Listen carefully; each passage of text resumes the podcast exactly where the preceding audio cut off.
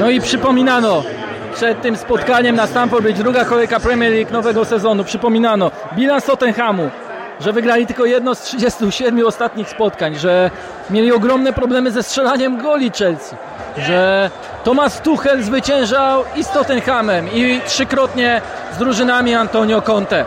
Ale to teraz nie ma absolutnie żadnego znaczenia, bo Tottenham, można cię słyszeć, śpiewy kibiców, ma remis. Ma remis, który wywalczył w 96 minucie. W zasadzie niemal ostatnimi kopnięciami e, w obliczu ogromnych kontrowersji, zwłaszcza z tym, jak e, zachował się Cristiano Romero wobec Marka Kukurei tuż przed e, rzutem rożnym, który zamienił na gola Harry Kane. Ale ja nie chcę o tych poszczególnych zdarzeniach, bo oczywiście jeszcze możemy mówić, że czerwoną kartkę obejrzał zarówno Conte, jak i Tuchel, że ich starcie po zakończonym spotkaniu no to będzie jeszcze temat do rozmowy na długie tygodnie. Zaraz zresztą konferencja prasowa i jeden i drugi trener na pewno swoje będzie miał do powiedzenia na temat e, i sędziowania, i decyzji, i zachowania drugiej strony. Ale ja skupię się na boisku e, i po prostu powiem, że to było kapitalne spotkanie Chelsea, że to było dużo lepsze spotkanie Chelsea niż wskazywały na to choćby wypowiedzi Tomasa Tuchela. E, niż wskazywało na to spotkanie z Evertonem, bo Chelsea przejęła inicjatywę, powiedziałbym tak, po 5-10 minutach, od razu będąc zdecydowanie drużyną bardziej agresywną, zdecydowanie bardziej konkretną w rozegraniu piłki, lepiej tworzącą przewagę w kluczowych strefach, bo też nakładały się dwa systemy taktyczne, ale też widzieliśmy, że dwie różne trójki napastników atakujących oferują po prostu różne rozwiązania. Kulusewski, Son lepiej czuli się w tym, że dostawali piłkę na wolną przestrzeń, zresztą to żadne odkrycie, a trochę słabiej wychodziła im gra przeciwko Kulibaliemu oraz e, świetnemu dzisiaj skądinąd e, Jamesowi, który kontrolował Sona no niemal idealnie, niemal do samego e, końca. Również Kulibali, występ podkreślony e, kapitalnym golem po rzucie rożnym i dośrodkowaniu Kukurei. Ale wróćmy do wątku taktycznego. Przy tym nałożeniu się 3-4-3 na 3-4-3 Chelsea tworzyła sobie przewagę, bo też inaczej grał duet Jorginho Kante do tego, co zaoferował Antonio Conte, a więc e, Pierre-Emil Højbjerg oraz e, Bentancur. Ta dwójka grała obok siebie, pilnowała strefowo, rzadko wyskakiwała nawet do Jorginho, który był tym pierwszym rozgrywającym, tworzącym te trójkąty, te możliwości, gdy piłkę mieli obrońcy Chelsea. Natomiast N'Golo Kante, on był wszędzie. Nie wiem, czy czytaliście ostatnio bardzo ciekawy artykuł na The Athletic o tym, jak zmieniają się role poszczególnych zawodników i o tym, jak samo mm, e, sam The Athletic będzie definiował rolę piłkarzy. Jeśli chodzi o Kante, no to on otrzymał taką rolę orchestrator, czyli zawodnika, który prowadzi grę zespołu i to jest najważniejsza zmiana w porównaniu do tego, jak był wykorzystywany choćby przez Franka Lamparda i znacznie bardziej przypominająca rolę, którą spełniał jeszcze pod wodzą Mauricio Sariego. A pamiętamy, ile było wówczas kontrowersji, czy Włoch na pewno dobrze wykorzystuje Francuza, czy e, pozwala mu wypełniać pełni rolę, a on wówczas grał znacznie bardziej ofensywnie, notował niezłe liczby. Czy to był ten sam N'Golo Kante, którego tak pokochaliśmy za to, jak grał w Leicester w pierwszych sezonach, jeszcze za Antonio Conte w Chelsea? No nie, ale też e, dawał naprawdę mnóstwo jakości i dzisiaj tej jakości było naprawdę sporo. To zresztą on swoim zagraniem spod lewej strony uruchomił Sterlinga przy golu na 2 do 1 dla Chelsea i grał po prostu rewelacyjnie, właśnie podkreślając te wszystkie tezy, które pojawiły się e, we wspomnianym przeze mnie artykule e, i też Kante, no, zawodnik, którego przecież Tuchel porównywał do Neymara, do Kevina De Bruyne, mówiąc, że to jest dla Chelsea tego mm, formatu piłkarz. Faktycznie był e, pewnym minusem również na grze Chelsea. Odbiła się jego kontuzja, bo przecież inaczej się gra z N'Golo Kante w pomocy, ale tutaj nikogo nie trzeba przekonywać, choć Conor Gallagher też trzeba podkreślić, że zanotował dobrą e, zmianę, dobre wejście w to spotkanie, ale zostawmy już drugą linię Chelsea. Otóż ten Kante stwarzał naprawdę przewagę w tak różnych strefach, że przy strefowo ustawionym w niskim pressingu Tottenhamie e, mieli goście spore problemy. E, znacznie więcej tych możliwości rozgrywania, zmieniania kierunku gry i to wydaje mi się było aspektem naprawdę kluczowym w tym meczu, żeby jedna drużyna miała możliwość zmieniania strony gry, bo Chelsea idealnie przesuwała sobie Tottenham od lewej do prawej strony.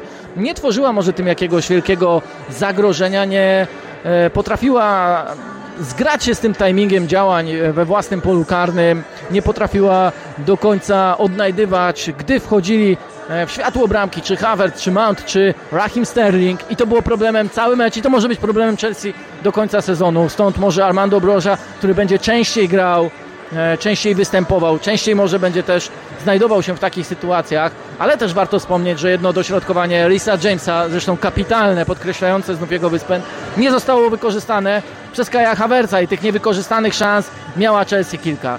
Tottenham w pierwszej połowie nie wykorzystywał swoich momentów, nielicznych, ale takich, których oni mogli wyprowadzić piłkę. Byli za to bardzo nerwowi, świetnie temu przeciwdziałał pressing Chelsea, taka reakcja po stracie i to była największa, wydaje mi się, różnica w porównaniu do występu Chelsea e, z Tottenhamem, a z Evertonem. I to już pokazująca też, że Chelsea potrafi coś więcej, że Chelsea e, idzie w dobrym kierunku, skąd e, skąd zresztą bierze się też e, całe, całe zdarzenie, e, cały ciąg działań w drugiej połowie spotkania, więc kolejna intensywna, bardzo właściwa reakcja e, po stracie gola na 1 do 1 i ta Chelsea znów potrafiła opanować sytuację, opanować swoje nerwy, które były niemałe, bo przecież po każdym golu Tottenhamu była, było ogromne zamieszanie przy ławkach rezerwowych, kontrowersje, no ale to teraz nie ma żadnego znaczenia. Zareagował natomiast w drugiej połowie Antonio Conte, 57 minuta,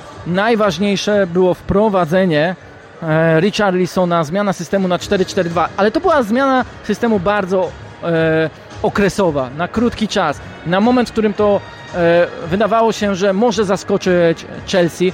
I faktycznie w pewnych momentach zaczęli zdobywać sobie przewagę, ale to też sprawiło, że pomimo strzelonego gola tam nie było tak wielkiej stabilizacji w grze Tottenhamu, że Chelsea też potrafiła zmieniać stronę gry i biorąc pod uwagę jak przy golu na 2 do 1 przesunięty do jednej strony był Tottenham, że Son spełniający rolę skrzydłowego zapomniał się, nie wrócił przykryć e, Sterlinga, co wykorzystał z kolei wahadłowy przeciwległy, a więc właśnie James no to to mówiło wszystko i od razu znów zareagował, bo zaledwie dwie minuty później e, Antonio Conte wprowadzając Perisic'a, Bisumę e, do środka pola, a później jeszcze Lukasa Moure za Emersona i te wszystkie e, zmiany przywróciły w zasadzie to wyjściowe ustawienie Tottenhamu.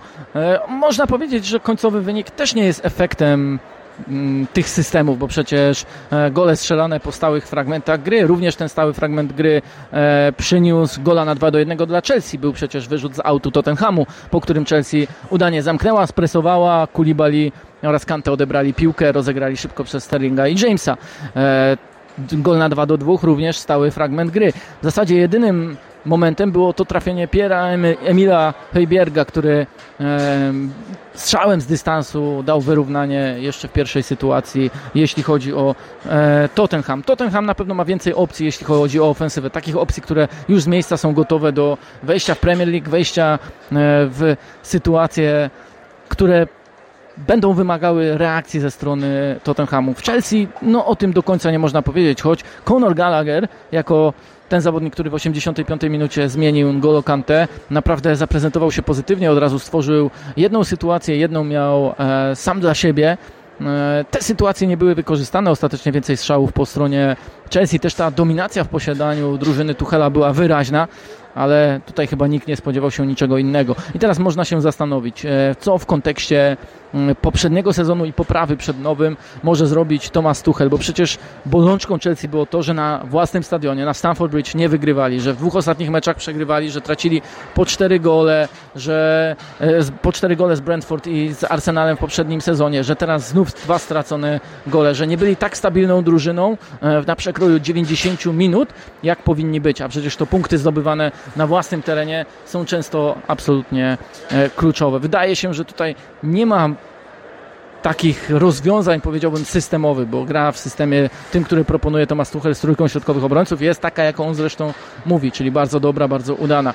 E, z drugiej strony, patrząc na to, jak gra Chelsea w ofensywie, gdzie właśnie brakuje tej klasycznej dziewiątki, brakuje zawodnika, który ma lepszy timing biegnięć w pole karne przy tych wszystkich dośrodkowaniach, które Chelsea miała w pierwszej połowie, a w których z których w drugiej połowie zrezygnowała, co myślę, że było e, całkiem e, zasadne ze strony Tomasa Tuchela i inny sposób atakowania został wybrany. Natomiast no właśnie przydałby się zawodnik do przodu, zawodnik czujący się w takich sytuacjach idealnie. Czy będzie nim Pierre e, Emerick Aubameyang, o którym się wiele mówi w kontekście transferu do Chelsea, no tego jeszcze nie wiemy. Bitwa o Stamford Bridge 2-0 kolejny rozdział tej historii, rozdział o takim samym wyniku, o mniejszej liczbie żółtych kartek, o mniejszej liczbie nawet fauli, o mniejszych też konsekwencjach, myślę, na przestrzeni całego sezonu, jak wówczas to miało miejsce w maju 2016 roku. Zakończona, zakończona też czerwonymi kartkami dla Tomasa Tuchela oraz Antonio Conte. No i to tyle. Ze Stamford Bridge było bardzo gorąco i nie ze względu na falę upału w Wielkiej Brytanii, ale ze względu na to, jak zaprezentowały się drużyny w pierwszym e, tego sezonie, tego sezonu starciu między zespołami e, Big Six. Oby tak dalej, to będziemy mieli fantastyczny sezon.